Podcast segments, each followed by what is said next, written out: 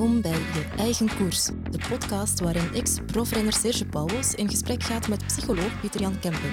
Ze hebben het over koers, over psychologie en de lange weg naar het realiseren van je dromen. Een reeks voor jong wielertalent en voor iedereen die koersgerichter wil gaan leven. Ik ben jullie gastvrouw, Ine Bijen. Welkom.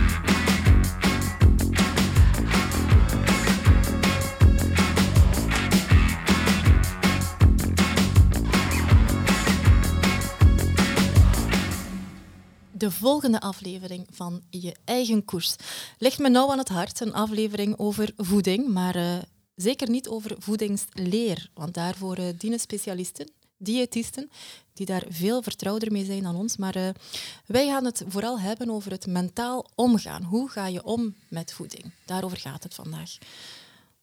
Een heuse evolutie ook te zien in die manier waarop dat je met voeding omgaat de laatste jaren. Ja, echt bijna, bijna een revolutie. Hè? Want als je, als je ziet, en we gaan het nu niet hebben over uh, ja, de jaren 70 of, of nog vroeger, wanneer de renners uh, bij het ontbijt een, een hadden om, uh, om een bergrit goed te, door te komen. Maar je ziet wel, bijvoorbeeld, ja, toen ik net prof werd, dan, ja, dan was het nog echt de gewoonte van rijstaartjes te voorzien in de bevoorrading.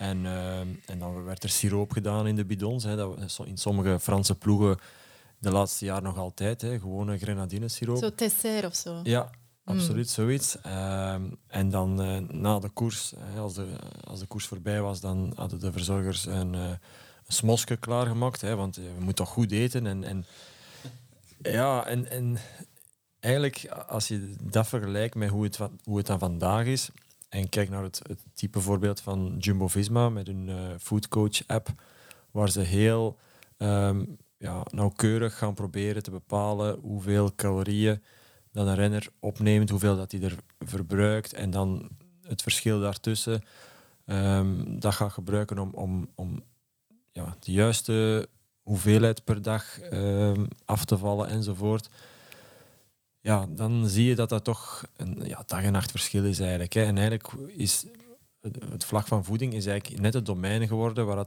ja, veel marginal gains uh, te winnen zijn. En die trend die, die dan gezet is door bijvoorbeeld uh, Ineos of Jumbo-Visma, je ziet ook opnieuw, zoals altijd, dat die nu bijna gekopieerd wordt of stilaan gekopieerd wordt door andere ploegen. En dan wordt dat eigenlijk weer een beetje de norm. Hè. Mm -hmm. dus iedereen gebruikt nu al bijna die Foodcoach-app? Nee, zover niet, denk ik. Maar er, er wordt wel duidelijk uh, ja, afgewogen. Hè. Als, als ik naar Wout van Aert kijk, um, in, in de aanloop naar zo'n wereldkampioenschap, of, of je kijkt naar, naar renners zoals Roglic in, in een grote ronde, ja, dan gaan die hun hun voeding afwegen. Hè. Op maat wordt dat ook soms door de, de, kok, de koks in de ploeg al, al klaargemaakt. Hè, dus de ene krijgt veel op zijn bord en de andere krijgt weinig op zijn bord. Ja, echt uh, met portiegrootte, de koolhydraten echt bepaald uh, naar, naar gelang van het gewicht van een renner of naar gelang van wat hij verbruikt heeft in de koers. Um, dus ja, het gaat redelijk ver. Naar gelang van wat hij verbruikt heeft in de koers. Dus ja. die lezen de koers uit, ja. die gaan na hoeveel Voilà. En, en als jij het gemiddelde vermogen weet van wat dat jij in die koers hebt getrapt, hè, dus ze, ze, ze lezen eerst de powermeter uit, een gemiddeld vermogen maal 3,6 geeft je het aantal calorieën dat je per uur hebt gebruikt. Stel dat je een koers hebt gereden van 5 uur met een gemiddeld vermogen van 200 watt. 200 watt maal 3,6 is 720. Dat is je aantal calorieën dat je per uur hebt verbruikt. Maal 5 uh, is 3600 zeker. Uh, dus dat, dat geeft je calorieën dat jij dan in die wedstrijd hebt gebruikt. Natuurlijk, je hebt daar nog een bazaal metabolisme enzovoort. Dus, maar het, het, om maar te zeggen, het, het gaat heel ver hè, om, om ja, die, die berekening te maken. Maar natuurlijk, dan die vertaling naar de renners toe is redelijk simplistisch. En Hoeveel ja, het, voilà, het wordt gewoon aangeboden in de juiste hoeveelheid. Dus wat die renner op zijn bord krijgt, hij hoeft daar niet meer over na te denken. Um, Geeft dat een soort van rust? Of, of denk je, Pieter-Jan, kun je daar ook gewoon te ver in gaan? Oh, absoluut. Ik denk dat we het straks moeten hebben over het te ver gaan daarin. Maar het is, het is bijna bijzonder hè, aan deze sport, hè, die, die ja, zo, zo oud is als een straat, bij manier van spreken. En dat er toch nu nog hè, over Colbrelli wordt gezegd, oh, heeft eindelijk zijn gewicht onder controle. En dan denk je van, ja, Allee, hoe is het mogelijk eigenlijk? Hè? Het is zo belangrijk. Het is simpel. Er is input en output. Hier spreken we over de input.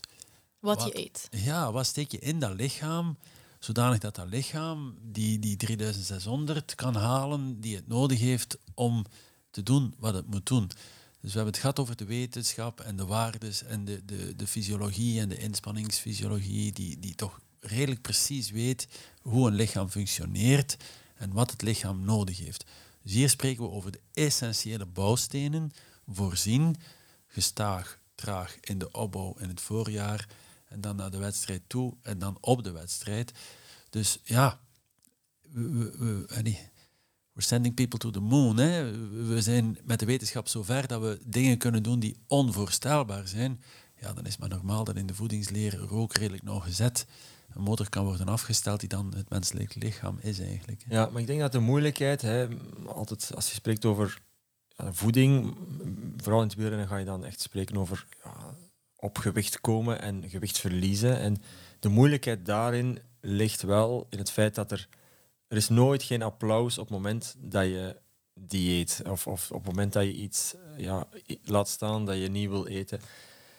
En, en ja, denk aan het voorbeeld van Ulrich. Hè. Dat was jaar na jaar opnieuw hetzelfde. In de winter kwam hij 10, 20 kilo bij. Ja, en altijd, pardon, 20 altijd, kilo.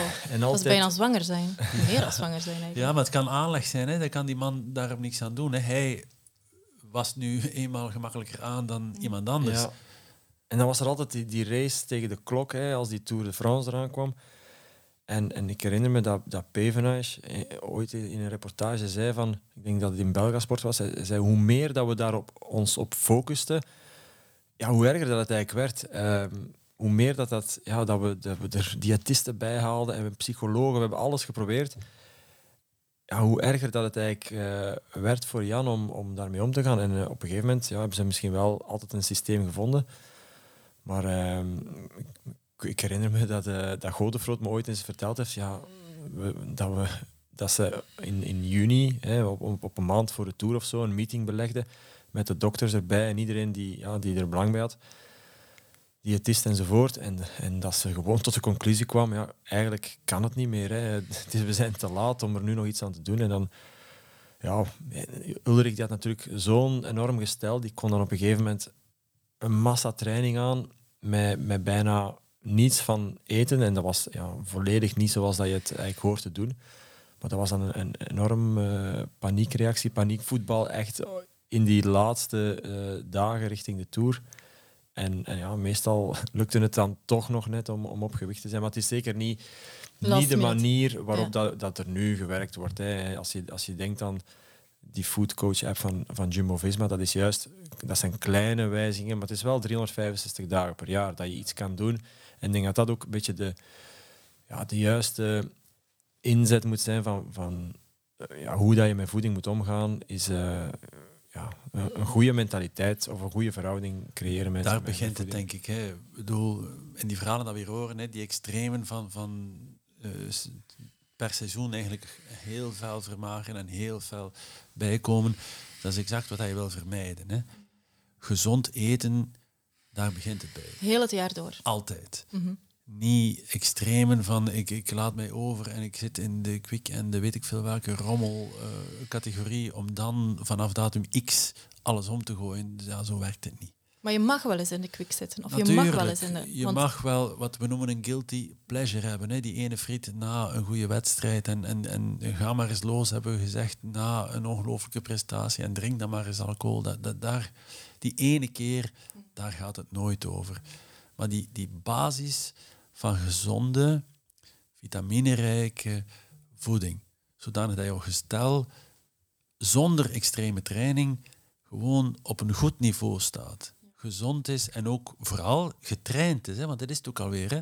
Je lichaam is gewoon aan bepaalde inputs en outputs en leert die ook processen. Hè. Je, wordt niet altijd met die vetzakkerij geconfronteerd, die dan moet afgedreven worden, waardoor door je nieren belast worden. Ja, en, en als je daarover spreekt, uh, dan denk ik direct aan uh, het aantal koolhydraten per uur dat nu wordt uh, ingenomen in een wedstrijd. Een aantal jaar geleden was 60 was zo wat de grens. Hè. 60 gram koolhydraten per uur, daar werd op gemikt. dat renners dat moesten opnemen in een koers. En nu gaat dat al naar 90 en zelfs in sommige ploegen Maar dat moet je ook 120. kunnen, hè? zoveel Precies. eten per uur. En dat- dat is wat we doen met dat training, Is, dat is training the gut. Hè. Dus Ja. het is niet, je kan niet heel de dagen op water gaan trainen en dan, dan op- plots- en dan in ja. de wedstrijd toekomen en dan ineens 120 gram koolhydraten per uur eh, te, Processen. te ja. moeten gebruiken. Dus dat is, eh, er wordt ook specifiek in ploegen op getraind om dan... Te kunnen eten, te Voilà. leren eten, te leren drinken. Ja. In een wedstrijd. Ja. Eh, voeding kun je bekijken op, op verschillende domeinen, dat hebben we al gezegd. Gedurende heel het jaar door. Dus voor, buiten de wedstrijd, buiten competitie, naar een wedstrijd toe, naar een belangrijk doel, in een wedstrijd en ook na de wedstrijd. Ik weet bijvoorbeeld, Serge, dat jij belde, jouw laatste trainingstage voor de Tour was zo mee, of toch een van de belangrijkste, mei, juni, en dan belde je naar mij. Sjoeke, zorg ervoor dat alle rommel uit huis is als ik thuis kom. Ja, dan ja, moest ik effectief Ja. alle chocolade, alle chips, alle koeken, alle snoepen. Nou, nu niet ouder zoveel hadden, hè, Pieter Jan. Moest maar- ik die gaan verstoppen, want je mocht die niet zien als je thuis kwam. Klopt, en dat is, ja, om, dat is gewoon omdat je dan weet dat je het jezelf moeilijk maakt. Hè. De- als renner, ja, je verbruikt elke dag zoveel calorieën dat je ook altijd honger hebt en altijd ja, kunt eten. En dat is een, een heel gezonde, ja, heel gezonde honger, laten we zeggen. Hè. Dat, je, dat, je, altijd ehm, ja, enorm veel eetlust hebt. Maar dan wilde ik gewoon ook kunnen ja, in die focus blijven en, en gewoon niet in de verleiding worden gebracht om iets verkeerd te eten. Want Ja. daar begint het Dus je, je verlangt eigenlijk ook wel een beetje van je gezin of van je ouders dat ze daar Absoluut, wat in meegaan. Ja, en in, in, hetzelfde, in dezelfde sfeer heb ik een, een ander voorbeeld. Ik heb redelijk veel ehm, samengewerkt met Dixie Dansercourt. We hebben het erover gehad, denk ik. Hè. Ehm, en voor de mensen die niet, hem niet kennen, dat is iemand die ongelooflijke dingen heeft gedaan in ongelooflijke extreme omstandigheden, namelijk de kou. En dan heb je het over solo, 100 dagen in isolement inspanningen doen van waar dat hij 5.000, 6.000 calorieën per dag voor nodig heeft. Dus dan spreek je over Tour de France inspanningen eigenlijk. Hè. En wat hij deed, ehm, was hij maakte pakketten van voeding die precies daaraan voldeden. Dus hij wist, als ik dit pakket op heb, heb ik mijn 5000 plus calorieën op. En wat hij deed was, ehm, dat werd dan helemaal vacuüm getrokken en op minimaal gewicht gebracht, want hij moest het nog eens zelf vervoeren ook. Maar voor hem was het belangrijk dat er geen variatie in zat, omdat hij mentale rust wou. Hij wou niet nadenken over dit is op, het voorbeeld van de koeken van daarnet. Hè.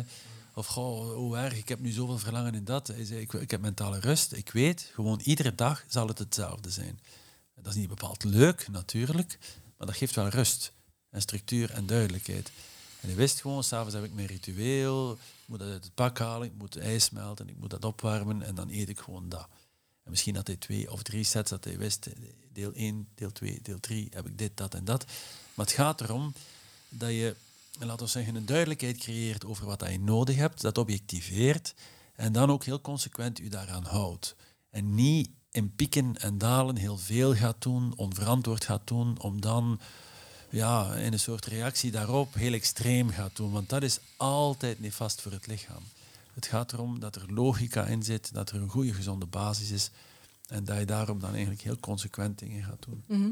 Het vraagt wel discipline ook. Je zegt het is niet leuk om elke dag voor Dixie dan hetzelfde te moeten eten. Eh, je kunt er ook te ver in gaan, daar gaan we straks over verder. Maar wa- waarom is dat nu zo belangrijk, die voeding? Waarom is gewicht in wielrennen dan zo belangrijk?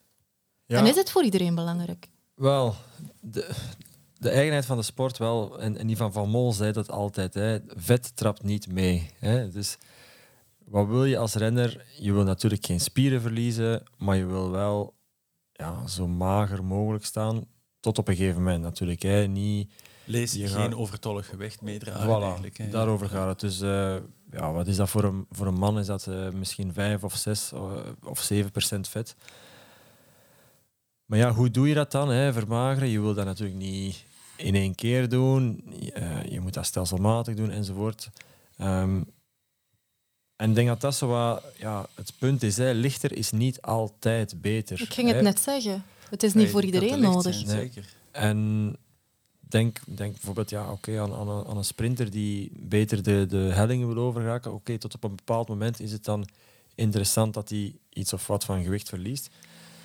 Maar het gevaar bestaat erin als je ja, die eerste kilo verliest, dan denk je, oh, dit is echt, dit gaat inderdaad beter. Hè? Want een kilogram is bijvoorbeeld 6 watt dat je minder moet trappen op de berg en die je omhoog fietst. En dan denk je, ja, maar als ik er twee verlies, dan moet ik 12 watt minder. Dus die ga, ga je nog een kilogram verliezen. En oké, dat gaat ook nog. Maar dan, dat is geen oneindige rechten die je, dat je naar beneden kan trekken. En daar, op een gegeven moment is er een hele steile afgrond. Hè. En, en ja, er zijn heel veel voorbeelden van renners geweest. Laurens ten Dam heeft, me ooit gezegd eh, dat hij daar in zijn carrière zeker een aantal keer is overgegaan. Um, en dan is het, ja, dan is het gewoon een steile afgrond. En dan, um, ja, dan verlies je al je kracht en, en, en ja, dan gaat het gewoon niet goed meer. Dus dat is heel gevaarlijk, denk ik, daarin. En ja, ik heb het ook wel eens aan, aan Stefanie Scheirling gevraagd, ja, wat, wat zijn nu de grootste misvattingen op vlak van voeding? Ze zegt ook, ja, er zijn heel veel jonge renners en rensters die denken dat een sportdiëtist pas nodig is op het moment ja, dat er problemen zijn. En dat is denk ik niet, niet een goede instelling. Hè. Ik denk dat, je, dat het eigenlijk gaat om, om een goede mentaliteit een goede verhouding creëren met voeding. En dan kan een sportdiëtist eigenlijk van in het beginnen. Ja, op redelijk jonge leeftijd mhm. wel, wel interessant zijn. En dat betekent nog niet dat je zoals bij Jumbo Visma alles moet afwegen en, en moet gaan stressen als je een keer uh, iets hebt gegeten dat je eigenlijk niet zou mogen eten. Nee, het gaat om die, die gezonde relatie die dat je eigenlijk wil mhm. opbouwen met, met, voeding. Ik, ik, ga daar misschien iets op, op inpikken. Ik heb het vroeger ook vaak moeilijk gehad hé, met, met mijn voeding. Daar gaan we straks nog op, op, op uh, verder. En over laatst had ik weer zo het gevoel van ik ga eens naar de sport, naar een, naar een diëtiste. Gewoon om, om, om mij ergens ook eh, een vorm van geruststelling te geven. En die zei, die zei tegen mij, Ine, je, je gewicht is goed. Dan heeft ze dat zo wel onderzocht. Je kent dat wel, hoeveel weeg je, dit en dat, hoeveel percentage. En die, die geruststelling was voor mij, oké, ik kon weer verder. Ik kon er weer zo op een bepaald moment een, een jaar tegenaan of zo. En ik voelde mij weer oké. En ik denk dat dat voor, voor jonge renners en zeker ook voor jonge rensters heel belangrijk is om te weten dat het oké is. Ja, en ik zie dat ook vaak. Hè ze weten bijvoorbeeld wat dat ze willen eten. Ik zeg maar iets, de, de dag van een wedstrijd, s morgens. Ze hebben daar een idee van, oh, ik ga muesli eten en ik, ga ongeveer zoveel eten. Maar dan zit je voor de eerste keer ehm, aan tafel met andere renners en dan zie je daar iemand, goh, uh, die eet nog een pistolet met Nutella. Oh, maar wacht, hm, ik heb eigenlijk ook nog wel honger. Maar ik kan misschien ook nog een pistolet met Nutella. En dan, die verleiding is er altijd. Hè. Je, mhm. je, je, ziet, als je anderen ziet eten, dan geeft dat ook weer een aanleiding om, en ze zijn dan vaak nerveus voor een wedstrijd, dan eten ze weer de foute dingen. Dus gewoon een beetje die structuur hebben en een plan hebben, en dat, dat, dat mag best nog redelijk los zijn. Dat is wel, eh, denk ik, heel Ik herinner mijzelf een stage met Topsport Vlaanderen was het nog, en Jolien Door zat toen bij ons in de ploeg. En zij had ehm, honeypops, zo die gele. Want haar diëtist had gezegd dat dat oké was voor, om dat te eten voor training. Dat, en dat heb ik jarenlang onthouden. Ja. En ik, vond dat, ik paste dat dan op mezelf toe. Of, of dan had je zo van die gekleurde hagelslag. Dan had er iemand die gekleurde hagel... Dat was waarschijnlijk een Nederlandse dame, want toen was dat enkel nog in Nederland te koop. Ondertussen de Albert Heijn in, in, in België. Maar je vergelijkt jezelf heel vaak met anderen, zeker aan tafel. En, en, Stefanie Scherling heeft mij ook al eens verteld dat, dat er heel vaak in een ploeg, zeker bij de, bij de vrouwen, zo één of twee vrouwen zijn die zo altijd een oogje in het zeil houden bij de andere rensters. Als we kijken naar, naar Trek, zeg Alfredo. Trek, uh, die, daar zijn er enkele vrouwen die dan best contact houden met bijvoorbeeld Stefanie en die naar haar gaan om te zeggen, ik heb gezien aan tafel dat die of die niet goed bezig is of minder goed bezig is. Dus ja, dat is een beetje je, je sociale houdt controle. Ja, dat is een beetje inderdaad sociale controle. En dat is ook belangrijk dat dat er is. Het werkt ook in de andere richting. Hè. Als je kijkt naar het bord van, uh, van Tom Bonen bijvoorbeeld, die ging ook nooit geen uh, vetzakkerij of zo weten. Dat was ook altijd wel uitgebalanceerd. Dat was niet, niks extreem, maar je zag wel... Ja, of, of als ik kijk naar, naar een Valverde of zo, als die geen dessert neemt, bij Movistar aan tafel, dan zal er ook niemand van die andere Spanjaarden Dat zijn toch stressmomenten zo aan tafel? Maar natuurlijk. Maar natuurlijk. Dan daarom, daarom is die Foodcoach-app zo, zo goed. Iedereen heeft zijn eigen portie. Zijn ja, maar ik zou het niet zo, zo extreem trekken. Ik denk, in, in, voor de elite is dat absoluut heel zinvol. Maar zoals we bij uh, wat was techniek gezegd hebben, dat die, die betere fiets op 16 echt het verschil niet maakt. Hè. Dan is het gewoon de jonge man. En hier ook, je zit niet aan de foodcoach op 16. Ik denk niet dat dat enig zinvol is.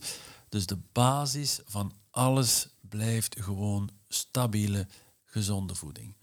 Voedzaam, rijk eten, niet in de vetten, maar in de verantwoorde, gezonde voeding, zodanig dat je gewoon als baseline opgewicht, correct opgewicht bent en een correcte, laten we zeggen, gezonde, fitte, jonge atleet bent. Dat is de basis. Want opnieuw, we hebben het over training. Je lichaam trainen om daaraan gewoon te zijn en, niet boventallig veel Coca-Cola en, en, vetrijk eten te moeten processen en daardoor allerlei vetten te moeten gaan verbranden eigenlijk. Want dat is wat je lichaam doet. Het wordt lui, het wordt passief. Dus je lichaam gewoon fit en scherp houden, dat is de essentie van alles. En dan later komt het maatwerk natuurlijk. Hè. Want dan ga je je lichaam ja, extremer gaan belasten. En dan is het belangrijk om te weten, wat heb ik nu nodig? En hoe meer dat je dat weet, hoe minder dat je het bord van, van weet ik veel wie kijkt aan tafel, omdat je gewoon weet, ik voor mezelf heb dit nodig. Die andere neemt die boterham met, met Nutella.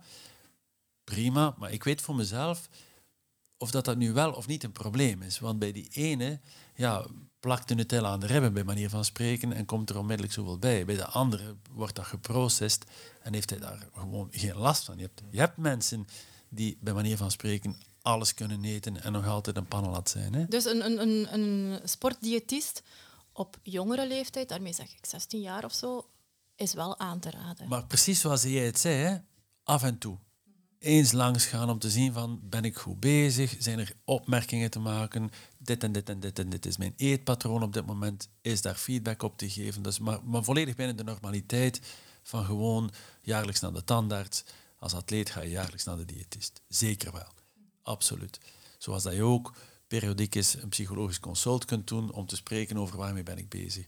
Dus niet als het probleem er is, maar op tijd. Maar niet fanatiek. En dat is het punt. Hè. En, en als we straks over echt de, keerzijde van de medaille te maken hebben, is dat op, op het moment dat je die controle verliest en dat je in dat obsessieve belandt en dat je niet meer anders kunt, hè, en dat is die steile val naar beneden, hè, daar wil je echt niet in belanden. Hè. Als we het straks hebben over anorexia nervosa, ja, dat is een vreselijk psychiatrische ziekte. En heel veel atleten, hè, er is een specifiek beeld, anorexia atletica, die specifiek geldt voor mensen die obsessief calorieën willen verbranden en zo weinig mogelijk calorieën willen opnemen eigenlijk. Maar dat gaat niet meer over die prestatie. Dat gaat eigenlijk over die obsessie voor dat ene cijfertje, die naald op die weegschaal. Terwijl dat die er niks toe doet. Die weegschaal is volstrekt secundair. Maar dat is heel gemakkelijk gezegd, hè, Pieter Jan? Absoluut. Maar vandaar dat het een gestage training is. En vandaar dat het een, een langzaam bewust worden is wat een goal is, wat 5000 calorieën zijn, wat, wat vier afdalingen, vier klimmen naar elkaar zijn. Dus mentaal daar klaar voor zijn en daarmee bezig zijn. En net zo goed als training en de juiste fiets en de juiste tactiek elementen zijn van die voorbereiding van die vier calls, is gewicht dat ook, absoluut. En of dat je dan, ja, Wout van Aert zijnde van, van wat is het, naar 78 zakt of naar 76 zakt, ja, dan maakt dat wel een verschil. Maar je spreekt over ja, marginal differences eigenlijk. Ja, ik, ik weet heel goed, toen ik stopte met koersen, ik spreek over 2013, dus acht jaar geleden of zo, zat ik echt op het randje van. Ik was inderdaad, zoals je zegt, Pieter Jan, te obsessief met uh, mijn gewicht bezig. Het feit dat Serge een klimmer was die zich focuste op de Tour de France, waar ik mee samenwoonde, deed er al niet veel goed aan, want ja, ging vrouw met een man vergeleken, heel vaak ja, dat over is voeding. hopeloos. Ja, zeker. En inderdaad, je, je gaat jezelf gaan vergelijken. Je ziet wat Serge eet, hoeveel vetpercentage hij heeft. Dat was heel weinig. Serge kon altijd heel scherp staan, had daar ook baat bij. Hij is daar nooit over gegaan, denk ik. Maar ik spiegelde mezelf daaraan, ik wilde dat ook. Terwijl voor een vrouw ja, een vrouw heeft sowieso al heel veel meer vetpercentage morfologisch hè, dan, dan een man. Ja, ik kan dat eigenlijk al niet vergelijken. Hè. Je kunt het niet gaan vergelijken. En, en toen, ik weet heel goed, dan, uh, als je dan rond de 19, 18, 17 zit, dan sta je als vrouw echt al heel scherp. Terwijl dat een man ja, dan, dan, daar hoef ik niet mee af te komen als man. Hè. Nee, nee, nee, maar, maar je zegt Maar dat goed, piekt wel. En ik, ik weet heel, er zijn ongetwijfeld jonge rensters die, die, die daar ook heel veel baat zouden bij hebben met het verschil goed te kennen tussen man en vrouw. Ja, als we zeggen dat je, dat je jezelf eigenlijk al niet mag vergelijken met iemand anders die naast jou aan tafel zit, ja, dan geldt dat zeker voor het verschil tussen, tussen mannen en vrouwen. Ik denk dat, de, uh, dat er sommige mannen, profs in het, in het peloton, ongeveer op uh, eh, 5%, misschien wel 4% vet staan in een grote ronde, echte klassementsmannen. Alhoewel dat je nu toch ook wel meer een trend ziet. Um, kijk naar Pogacar, dat zijn niet meer de allermagerste renners. Uh, natuurlijk staan ze nog scherp, maar je ziet toch niet die hele obsessieve en, en extreem magere figuren zie je veel, veel minder. Omdat het uiteindelijk in, in wielrennen kan je niets doen zonder kracht. En ja, je mag uh, zo weinig wegen als je wil, waardoor je dan minder vermogen moet duwen. Maar je hebt altijd die pieken van kracht uh, in sprinten, in optrekken, in demareren. En ja, die, die force heb je gewoon nodig, of dat je nu een man bent of een vrouw. Maar ja, een, een, bij vrouwen ligt het, het vetpercentage gewoon automatisch, ja, puur naar de morfologie, ligt dat helemaal anders dan, dan bij, bij mannen. Ja, en het is heel belangrijk om het thema ook eh, bespreekbaar te maken. Want ik weet in de tijd, dat, dat tien jaar geleden of zo, Abbott was, was iemand die heel scherp stond, altijd super scherp, een super goede coureur, een heel goede renster. Uh, maar zij likte aan de olijven bijvoorbeeld, om ze niet te hoeven op te eten. Zij at een blad sla. Um, dat zijn heel extreme voorbeelden. En, en op lange termijn kan dat zo nefast zijn, zeker als vrouw, als je denkt aan later nog kindjes krijgen en dit en dat. Het is, uh, het is echt glad ijs. Hè? De, de, het doorslaan in wat dat we het dwangmatige genoemd hebben. Hè? Het gaat niet meer om, um, laten we zeggen, een middel om een doel te bereiken. Voeding is het doel geworden. En het is geen middel niet meer, als je begrijpt wat ik bedoel. Hè. Het, gaat niet meer om die koers winnen, het gaat om uh, dat gewicht niet boven punt X te krijgen eigenlijk, of onder punt X te krijgen eigenlijk. Hè. En punt X, dat ga je onbewust altijd maar verlagen. Want als je 54 wil wegen, wordt dat dan 53. En 53 wordt dan 52. En je komt in die spiraal van obsessief denken. En dat is heel nefast, want dat is heel star, waar je gewoon niet meer uitkomt. Maar je ziet het ook zelf. Je ziet het ook niet van jezelf. Je beseft het niet. Je beseft het altijd te laat. Vandaar het voorbeeld dat je daarnet gaf, van dat, er, dat er bij manier van spreken mensen aan tafel letten op het eetgedrag. Ja, dat is op zich nuttig. Hè? Niet, niet vanuit de controlerende en, en achter de rug uh, meedelende uh, bedoeling, maar eerder vanuit de monitoring, het bewaken van gezondheid, het bewaken van de twee excessen, in, te weinig of te veel, dat goed bewaken en dat dan bespreekbaar maken met de persoon in kwestie en met de diëtist om te kijken, ja, die ene neemt er wel twee met Nutella bij, maar voor die is het misschien geen probleem, maar de andere niet. Dus daar, laten we zeggen, zo realistisch mogelijk in zijn en vooral wat je zegt, dat bespreekbaar houden. Ja. Ik herinner mij dat mijn ouders, zeker mijn mama, daar heel vaak heel kwaad voor is geweest op mij. En die begreep mij ook niet, of, of, of op de een of andere manier. Ja, te weinig. Voilà, dat ik te weinig at. En, en wij hebben daar heel vaak ruzies over gehad. En ik ben ervan overtuigd dat er ook ouders zijn die daarover een struggle hebben met een, een zoon of dochter die, die aan sport doet. Hoe, hoe maak je dat dan bespreekbaar in het ja, gezin? Het vervelende van, van dit onderwerp is dat het hypervisibel is. Hè. Je, je ziet letterlijk hoe uh, scherp iemand staat. En het, het is natuurlijk um, ja, fijn als er gezegd wordt, oeh, jij staat scherp. Dat is fantastisch. Ja, en zeker bij dames is dat natuurlijk een ongelooflijk compliment om te zeggen, ja. oeh, je ziet er zo ver uit, je kleedje hangt precies los bij manier van spreken. Is er een kilo af, dat is, dat is een ongelooflijk flatterende opmerking. En in het begin rij je ook veel sterker, Serge heeft het daarnet al gezegd. In het begin gaat het ook gewoon beter op de fiets. Ja, maar, maar plots... Maar wat je niet beseft, is dat je fundamentele onderbouw op je lichaam pleegt. Hè. Er is, je spieren zijn aan het aftakelen, je botten zijn aan het aftakelen, hè, maar op een soms um, ja, hele nefaste wijze dat er osteoporose ontstaat, waardoor dat eigenlijk ja, er, kalkonttrekking is aan je botten. Dus die, ik wil hier niet helemaal dramatisch doen, maar van alle, want dan spreken we over een psychiatrische aandoening, anorexia. De, van alle psychiatrische aandoeningen is dat een van de meest dodelijke. Je spreekt over een mortaliteitsgraad van 5%. Bij mensen die echt in de anorexia belanden, wat dat betekent, dat is eigenlijk de magerzucht. Dat betekent, die zijn alleen nog maar bezig met die weegschaal. En als je in dat, in dat web gevangen zit, van mentaal ja, likken aan de olijven bij manier van spreken, maar ze zeker niet meer opeten, en jezelf pijnigen bij alles wat je zou willen, maar nog, nog niet, niet meer mag van jezelf, ja, dat is heel ernstig. Hè? Mm Heel ernstig. Je, je, je beseft dat ook op een bepaald moment dat je sociaal contact vermijdt. Hè, op de een of andere manier, want je kunt nergens meer naartoe, want daar zullen dingen op tafel staan die jij niet kunt of mag Ja, of wil mensen eten. gaan zien dat ik het niet eet of dat ik het wel eet. Of, eh, ja. Ik herinner mij een, eh, een, een dag met Topsport Vlaanderen, een meeting of zo ergens. Ik denk dat wij een mediatraining hadden. En eh, we hadden dus niet getraind die dag. En, en smiddag stond er pasta op tafel. oh my god. Paniek. En ik had, ja, dat was ah, een van de ergste herinneringen, denk ik, uit mijn Ja, eh, maar carrière. Leontien van Moorsel zegt dat ook. Hè. Dat is een van haar zwartste periodes uit haar leven. Hè. Dat ze, het moment dat zij ja, die magerzucht had en, en haarzelf, eh, als ze goed had getraind, eh, weet ik veel wat, meer, dus ze telde de, de, blaadjes sla dat ze at. Hè. Dat is vreselijk. Hè. Ehm, En je ziet het zelf niet. Nee, of absoluut. Je merkt het niet. Absoluut. En, en, En dan kan, dan kan een sportdiëtist soelaas bieden. Absoluut. Die jou helpt als externe om het, om het te objectiveren en een spiegel te zijn voor jou. Hè. En wat jij niet meer ziet, zal die persoon wel Ja, zien. Hè. maar natuurlijk, zoals dat we dat ook al vroeger hebben gezegd, het hoeft niet op dat moment te zijn dat je naar een sportdiëtist gaat, hè, want dan ga je dat misschien ook al zelf niet meer willen. Dus Beter ik denk dat het belangrijk is voilà, om ja, gewoon op tijd daar wel eens een afspraak mee te hebben. Ehm, ja, meer kijken van, ben ik inderdaad de juiste dingen aan het eten? Is dat goed in balans? Ehm, hoe ga ik daarmee om? Enzovoort. En, en klaar. En, en dan ga je heel vaak die, die problemen gewoon al vermijden op voorhand. Ja, en het gewoon bespreekbaar maken ook, denk ik, onderling. Want er zijn ongetwijfeld ook renners of rensters die met hetzelfde in hun hoofd spelen.